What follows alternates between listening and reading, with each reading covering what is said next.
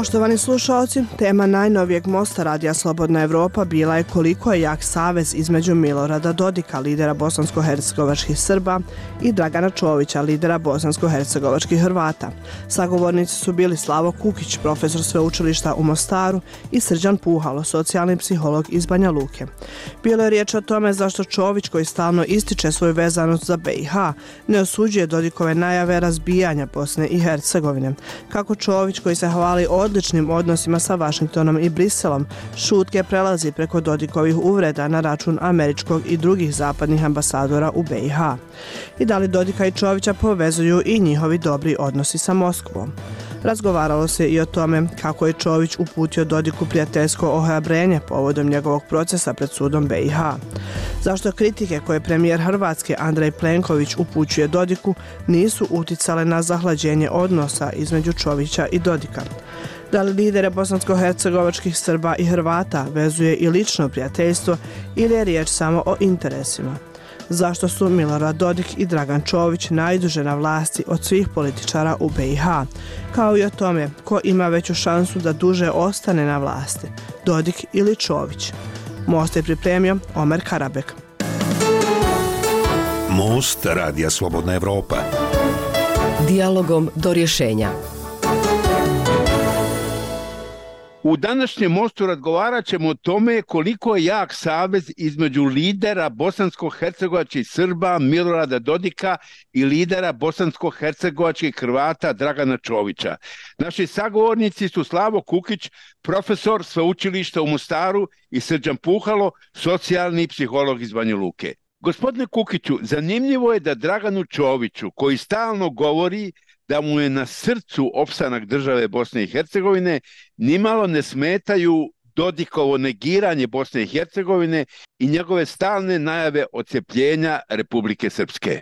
Samo jednom se oglasio tim povodom da bi rekao da ne zna šta više šteti Bosni i Hercegovini separatizam predstavnika srpske političke opcije ili unitarizam unutar bošnjačke politike. Kako vi na to gledate? Izvjesno je da Dragan Čović i Milorad Dodik imaju vrlo snažan personalni savez koji ne mora se proširivati svaki put i na političke partije koje predstavljaju, ali kojim su njih dvojica čvrsto povezani vjerojatno zbog razloga da i jedan i drugi su opterećeni hipotekama prethodnih 20 godina, hipotekama kriminala i korupcije, zbog kojih se svugdje drugdje u svijetu gdje postoje pravne države završava na istom mjestu. Ako ponekad Dragan Čović i napravi uzmak, onda to nije uzmak zbog njegovog uvjerenja da s Dodikom treba raskrstiti, nego je uzmak zbog pritiska kojemu je on izložen iz Zagreba, prije svega od eh, premijera Plenkovića, koji vrlo ozbiljno računa sa svojim angažmanom u briselskoj administraciji u narednom mandatnom periodu, pa s vremena na vrijeme Čović napravi uzmak kako bi proizveo virtualnu stvarnost, da tako kažem, da on doista je raskrstio sa Miloradom Dodikom, a stvarno njih dvojica vrlo dobro funkcioniraju i vrlo dobro se razumiju. Zašto se uopšte ne oglašava da osudi ovo najave ocepljenja ako mu je stalo do Bosne i Hercegovine? Ovo teške duše kažem, ali izgleda da su njemu moždani klikeri puno razvijeniji nego kod drugih bosansko-hercegovačkih političara. U tome se nalazi i odgovor na ovo pitanje. On čeka mudro, da tako kažem, rat između srpske i bošnjačke etnopolitičke kaste, a onda u tom ratu gleda kako s vremena na vrijeme uletjeti i realizirati svoj politički interes. U ostalom, ako gledate posljednje razgovore u bakincima kod e, laktaša, ako su informacije točne o načinu na koji će se birati članovi predsjedništva, onda je to karakterističan primjer kako on zna uletjeti i mimo svih kriterija, mimo svih principa progurati svoj interes kao nekakvu zakonomjernost koja se podrazumijeva. Gospodine Puhalo, zašto Čoviću ne smetaju Dodikove najave ocepljenja Republike Srpske od Bosne i Hercegovine?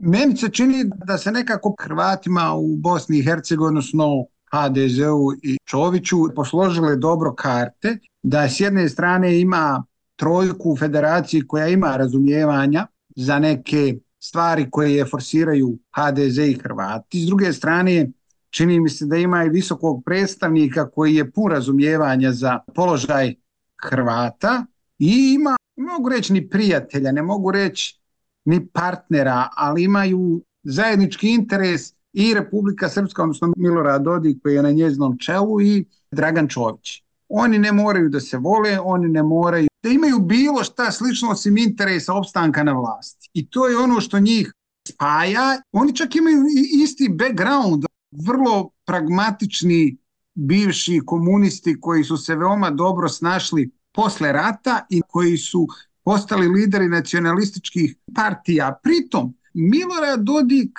gaji politiku krljanja, znači jako i neprecizno, pa ako prođe, prođe. S druge strane, Čović mudro čeka i vreba da se prikazuje kao najkonstruktivniji faktor u Bosni i Hercegovini u odnosu na druge političke opcije. U federaciji BiH, odnosno tamo gdje su bošnjački političari, gdje oni pokušavaju nešto da urade, tu vri. Vi vidite stalni antagonizam između trojke i DF-a, odnosno SDA. U Republici Srpskoj nešto što se zove opozicija postoji i ona je neki oponent Miloradu Dodiku, dok HDZ nema ni opoziciju, ni ima oponente. Znači on je prosto toliko moćan na tom vrhu vodstva Hrvata gdje nema potrebe da bi radi bilo šta radikalno, osim da čeka ne bi li se ukazala prilika koju on bi kapitalizovao svoje političke tendencije. Dobro, mislite da zato šuti na sve najve ocepljenja koje dolaze od strane... Pa, ali pazite, politika trenutno HDZ-a, odnosno SNSD-a je vrlo slična. Ja bih opisao kao eto, ok, mi jesmo za Bosnu i Hercegovinu, ali po našim pravilima. Ako ne može da bude po našim pravilima, onda možemo i bez Bosne i Hercegovine i onda je to interes koji ih drži zajedno, a i Srbi i Hrvati imaju podršku iz Srbije, iz Hrvatske za takvu politiku i ovo je jedno iznurivanje Bosne i Hercegovine. Gospodine Kukiću, Čović se stalno hvali da ima odlične odnose sa Amerikom i Evropskom unijom, a nikada nije reagovao na Dodikove pohvale Rusiji i teške uvrede koje Dodik gotovo svakodnevno upućuje američkom, posebno američkom i drugim ambasadorima zapadnih zemalja u Bosni i Hercegovini. Izgleda da mu je ipak važniji Dodik. Jako je upitno što se tiče kvalitete njegovih odnosa s Vašingtonom i Brislom. U ostalom, ovih dana je američka ambasada u dva navrata intervenirala na ono s čime je Čović išao u javni prostor reagirala je na njegovo saopćavanje javnosti, koji su to elementi dogovora u vezi sa reformom izbornog zakonodavstva, na način da su mu dali javno do znanja da Amerikanci neće podržati reformu izbornog zakona koja zaobilazi reformu ustava jer i u Ustavu Bosne i Hercegovine i Ustavu Federacije decidno piše da se izbor člana predsjedništva na prostoru Federacije vrši po građanskom principu. Ono što su dogovorili Čović e, i družina, ako su dogovorili tu doista moram imati zadršku, je odstupanje od građanskog principa i zaobilaženje Ustava, na što su mu Amerikanci skrenuli pažnju da to nije rješenje koje može proći. S druge strane, Čović doista, po mom sudu, u ovom momentu je u puno intenzivnijim odnosima s Moskvom no što je i s Vašingtonom i sa Brislom, ili ako nije u intenzivnijim, onda je barem u iskrenijim odnosima. U ostalom, ako se gleda šta je razlog Čovićeve intervencije u vezi sa južnom interkonekcijom, onda je to interes Moskve. Zašto on brani interes Moskve, to je posebno pitanje, ne bi sada spekulirao. Mnogi su skloni reći kako je zato dobio pozamašne ne cifre, ali evo, ja ću se suzdržati od te vrste ocjena i ako ima takav odnos s Moskvom, a Milorad Dodik takav odnos niti ne krije, onda je logično da njih dvojica, pošto su obodvojica ljudi personalnih interesa, ne nikakvih nacionalnih interesa, kakvi nacionalni interesi, to nema veze, onda je logično da su u tjesnoj međusobnoj konekciji jer funkcioniraju po istim interesnim pravima. To je razlog zašto se vjerojatno Dragan Čović vrlo rijetko glašava po osnovu onoga što Milorad Dodik čini i kada govori o odvajanju Republike Srpske od e, Bosne i Hercegovine, nikad govori o trulom zapadu, ikad napada Vašingtonsku administraciju i tako dalje i tako dalje. Poštovani slušalci, pratite Most Radija Slobodna Evropa u kome se razgovara o tome koliko je jak savez između Milorada Dodika, lidera bosansko-hercegovačkih Srba, i Dragana Čovića, lidera bosansko-hercegovačkih Hrvata. Sagovornici su Sređan Puhalo, socijalni psiholog iz Banja Luke, i Slavo Kukić, profesor sveučilišta u Mostaru. Voditelj je Omer Karabeg. Gospodine Puhalo, mislite li vi da Čović ima dobre veze sa Moskvom? Iz perspektive Banja Luke teško je o tome pričati. Mi čitamo, mi slušamo u medijima da su u pitanju neke firme, da su u pitanje neki novci, odnosno vlasništvo na nekim firmama.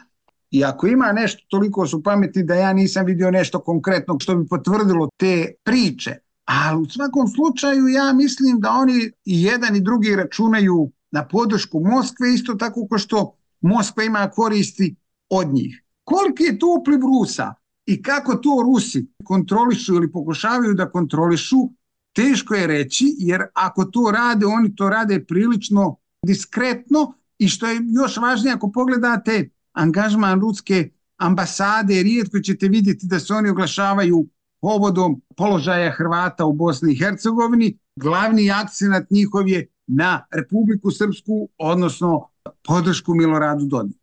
Gospodine Kukiću, to ste vi rekli, Zagreb je prilično zahladio prema Dodiku, koji je u glavnom gradu Hrvatske do skora bio vrlo viđen gost, ali izgleda da to nimalo nije utjecalo na Čovića. Zahladila je Hrvatska zakonodavno izvršna vlast. Nije zahladio predsjednik Hrvatske, taj detalj zapravo govori u prilog ovoj tezi koju sam malo prije razvijao.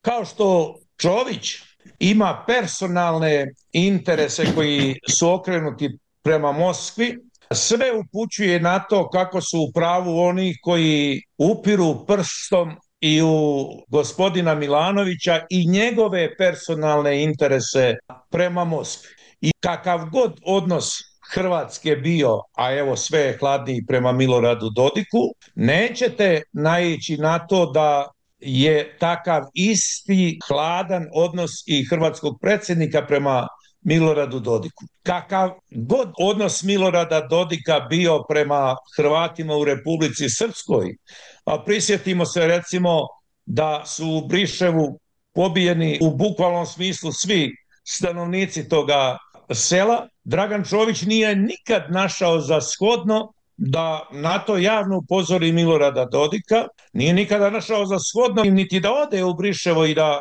iskaže pijetet. Zašto? Zato što njemu nisu u prvom redu Hrvati, bez obzira šta on govori, nego mu je u prvom planu njegov interes koji se preklapa sa interesom Milorada Dodika, kao što se vjerojatno preklapa interes Zorana Milanovića, a svi ti interesi međusobno isprepleteni, bojim se da su usmjereni u pravcu Moskve. Gospodine Puhalo, zašto Dragan Čović ne prati premijera Plenkovića koji ima sad u posljednje vreme dosta kritičan odnos prema Dodiku? Pa zato što mu se ne isplati. Ovo je jedna igra u kojoj ne važe racionalna pravila. Nemojte tražiti logiku u odnosima političara u Bosni i Hercegovini i u regionu. ono što je tu važno je da čini mi se ni Hrvatska nema baš konzistentnu politiku prema Bosni i Hercegovini, izuzev da s jedne strane, ok, podržavamo teritorijalni integritet Bosne i Hercegovine, to priča i Srbija i Hrvatska, suverenost, bla, bla, bla, bla, bla, a s druge strane gledaju svoje interese i nastoje da ih ostvare po svaku cijenu. Na kraju krajeva vi imate i razmimoilaženje između Plenkovića i Milanovića u odnosu prema publici Srpskoj generalno. Ali, kada dođemo do interesa Hrvata u Bosni i Hercegovini, tu više logika ne važi. Na kraju krajeva ja vjerujem da imaju puno razumijevanje političari u Hrvatskoj za, ne mogu reći ljubav, ali ajde da kažem, taj brak iskoristi između prvog čovjeka HDZ-a u Bosni i Hercegovini i Milorada Dodika, jer oni znaju da bez ovakve Republike Srpske šanse da Hrvati ostvare svoje ciljeve koje je zacitao HDZ su minimalne to je jedna interesna simbioza koja je vrlo logična u Bosni i Hercegovini, a možda nekome sa strane kada gleda ispada da tu i nema neke velike logike. Gospodine Kukiću, Dragan Čović se nije izjašnjavao ni o suđenju Miloradu Dodiku koji je optužen za neizvršavanje odluka visokog predstavnika u Bosni i Hercegovini. Jedino je rekao da ga je prijateljski ohrabrio. Kako to treba tumačiti? Ja sam sklon to prijateljsko ohrabrivanje tumačiti na sljedeći način. Milorade, strpi se, mi imamo pravosuđe kako imamo, imamo tužiteljstvo kako imamo, to je garancija da nećeš završiti tamo gdje bi trebao završiti. U ostalom, ako ti može pomoći moje iskustvo, onda je to iskustvo također garancija da ti se neće ništa dogoditi. Ako je to tako, a ja sam poprilično uvjeren da je ovo što govorim blizu istine, onda bi bilo logično da Milorad Dodik se primiri, da tako kažem, da ne izlaže ni sud ni tužiteljstvo pod smijehu. Međutim, Milorad Dodik ne bi bio Milorad Dodik da ne nastupa na način na koji nastupa a to je način klasičnog političkog kockara. On ide korak po korak, napravimo jedan korak pa vidimo reakciju i Bosne i Hercegovine i međunarodne zajednice, pa ako nema velikih reakcija mi pravimo sljedeći korak i tako dalje. I u odnosu na tužiteljstvo i sud on primjenjuje istu logiku. U ostalom, to suđenje pred BH sudom je trebalo početi prije koji mjesec. Ono još uvijek nije faktički započelo i Milorad Dodik je zapravo te mjesece do sada iskoristio da sud BiH izvrgne nekoj vrsti rugla. Hoću reći, ako Dragan Čović išta ohrabruje Milorada Dodika, onda je to njegovo vlasto iskustvo, a i činjenica da Milorad Dodik objektivno kontrolira i državno tužiteljstvo i SIPU, dakle sve organe represije koje mu jamče da će biti stalno u Banja Luci, da neće doći u Sarajevski zatvor, hotel koji je namješten za takve kao što je on. Znajući to, on ide i korak dalje da ne bi odustao od logike koju on primjenjuje, da se šprda sa svim što je vezano za Bosnu i Hercegovinu. To juče se šprda o Bosnu i Hercegovini kao državom, danas se šprda njeznim institucijama i na taj način dokazujući da je i Bosna i Hercegovina besmislena i tako dalje. Vidi li to tko i je li tko spreman da se tome suprostavi, to je druga stvar. Gospodine Puhalo, kako vi tumačite ovo prijateljsko ohrabrenje koje je Čović uputio Dodiku povodom suđenja na sudu Bosne i Hercegovine? Postavlja se prosto pitanje zašto bi on uopšte očitovo se po tom pitanju, jer mu to može donijeti samo štetu nego korist. On je to jednom rekao i više nikada i to u ovoj bučnoj političkoj situaciji gdje se ne zna ko pije, ko plaća, prosto to nije se nešto specijalno ni primijetilo. On mudro čuti zato što od toga nema nikakve koristi, niti Hrvati u Bosni i Hercegovini traže da se on nešto izjašnjava po tom pitanju, niti Republika Srpska, odnosno Milorad Dodik, traži da sad neko, pogotovo među Hrvatima, kaže svoj stav. I ja mislim da je to njegova lagodna pozicija o kojoj sam govorio na početku. Znači, s jedne strane njegovi birači, njegovi glasači, njegova etnička grupa ne traži od njega da bilo šta uradi. S druge strane, to se može i tumačiti kod međunarodne zajednice kao poštivanje suda, poštivanje procesa. Prosto, Dragan Čović u ovome trenutku nema potrebe da bilo šta radi za Milorada Dodika kada je on na sudu. Poštovani slušalci, pratite Most Radija Slobodna Evropa u kome se razgovara o tome koliko je jak savez između Milorada Dodika, lidera bosansko-hercegovačkih Srba, i Dragana Čovića, lidera bosansko-hercegovačkih Hrvata. Sagovornici su Slavo Kukić, profesor sveučilišta u Mostaru i Srđan Puhalo, socijalni psiholog iz Banja Luke. Voditelj je Omer Karabek. Gospodine Kukiću, i Dodik i Čović se snažno zalažu da strane sudije odu iz Ustavnog suda Bosne i Hercegovine. Jasno je zašto je to Dodiku važno, jer Ustavni sud ukida njegove separatističke zakone i odluke, a zašto je to važno Čoviću?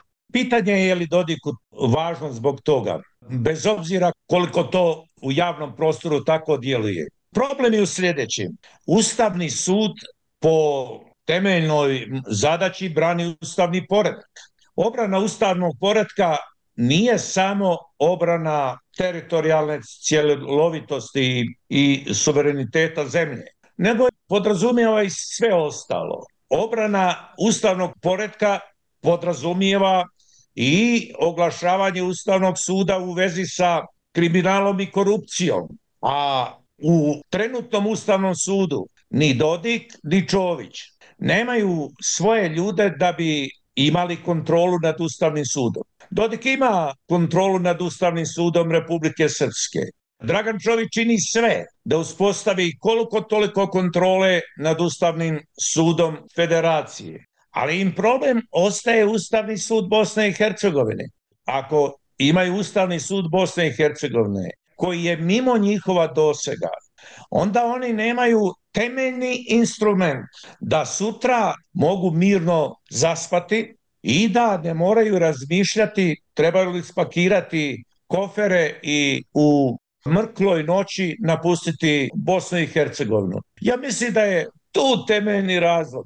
Gospodine Puhalo, po vama zašto i Dodiku i Čoviću smetaju strane sudije u Ustavnom sudu Bosne i Hercegovine? Ako imaju kontrolu nad svim segmentima društva u Bosni i Hercegovini ili barem tamo gdje su većina, znači to je samo još jedna kockica koju ne kontrolišu i to je nešto što im ne samo daje moć, nego s druge strane oni šalju poruku da su veoma jaki i da bilo kakva neposlušnost ili pokušaj da se nešto ide preko institucija sistema uzaludan. I vi sad imate ovih dana svađu gdje da sjedište bude apelacijonog vijeća, kako se to već zove, da li u Sarajevu, istočnom Sarajevu, u Banja Luci, a to je u stvari želja da imate apsolutnu kontrolu nad svim segmentima ovoga društva. Gospodine Puhalo, Dodik i Čović su dva političara koji su najduže na vlasti u Bosni i Hercegovini. Da li je tome doprinjao i njihov savez?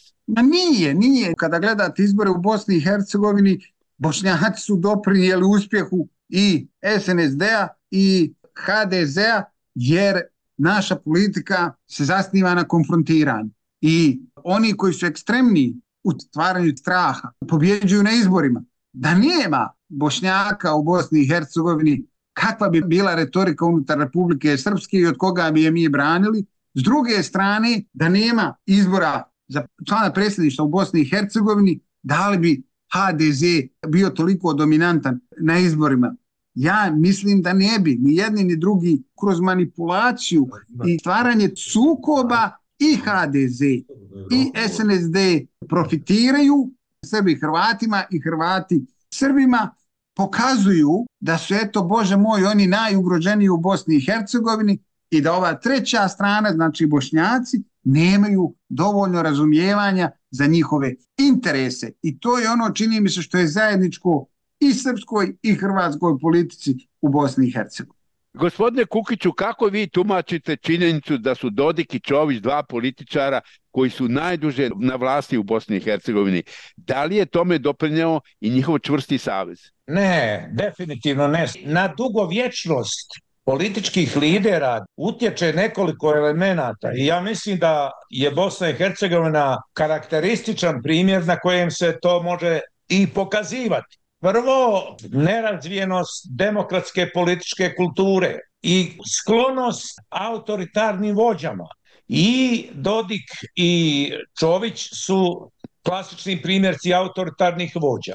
Za razliku od toga, kod Bošnjaka vi imate ipak elemente demokratske političke kulture. U ostalom da je to tako, pokazuje činjenica da je SDA kao glavni branitelj bošnjački nacionalni interesa morao u opoziciju. Da je to tako pokazuje činjenica da su tamo na vlasti građanske političke partije. I na kraju u zaključku, gospodine Puhalo, dokle će trajati savez između Milorada Dodika i Dragana Čovića? Dok god procijene da imaju interes i da jedan drugom čuvaju leđa, oni će imati razumijevanje jedan za drugog.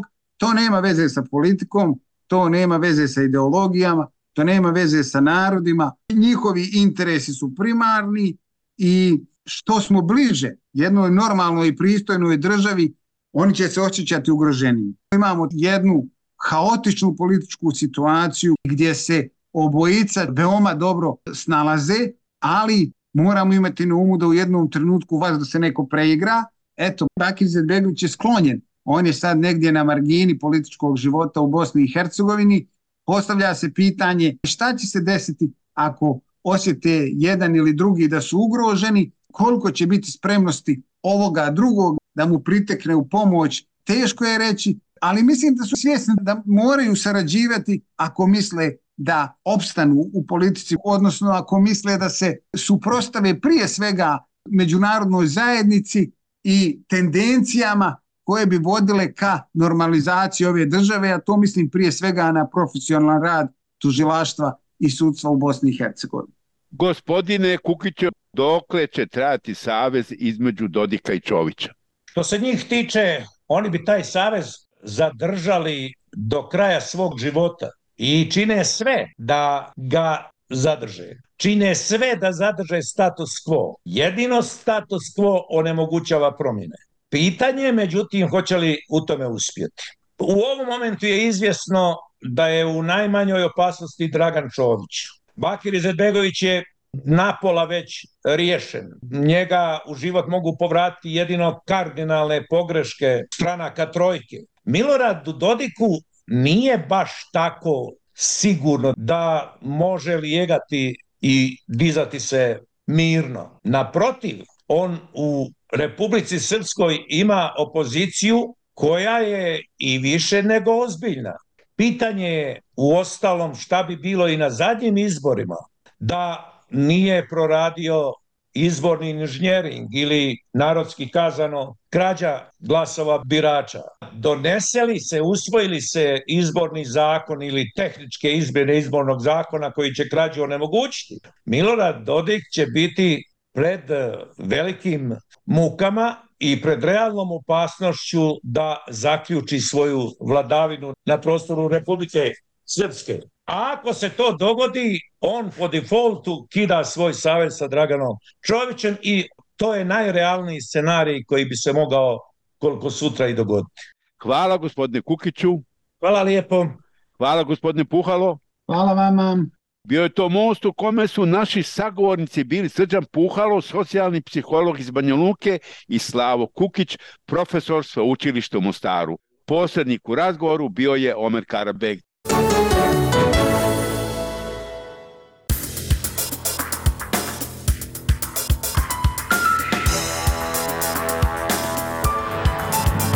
Bilo je to sve u ovom izdanju programa Radija Slobodna Evropa. Ostanite i dalje uz nas, pratite nas na našem sajtu kao i na društvenim mrežama. Do narednog slušanja.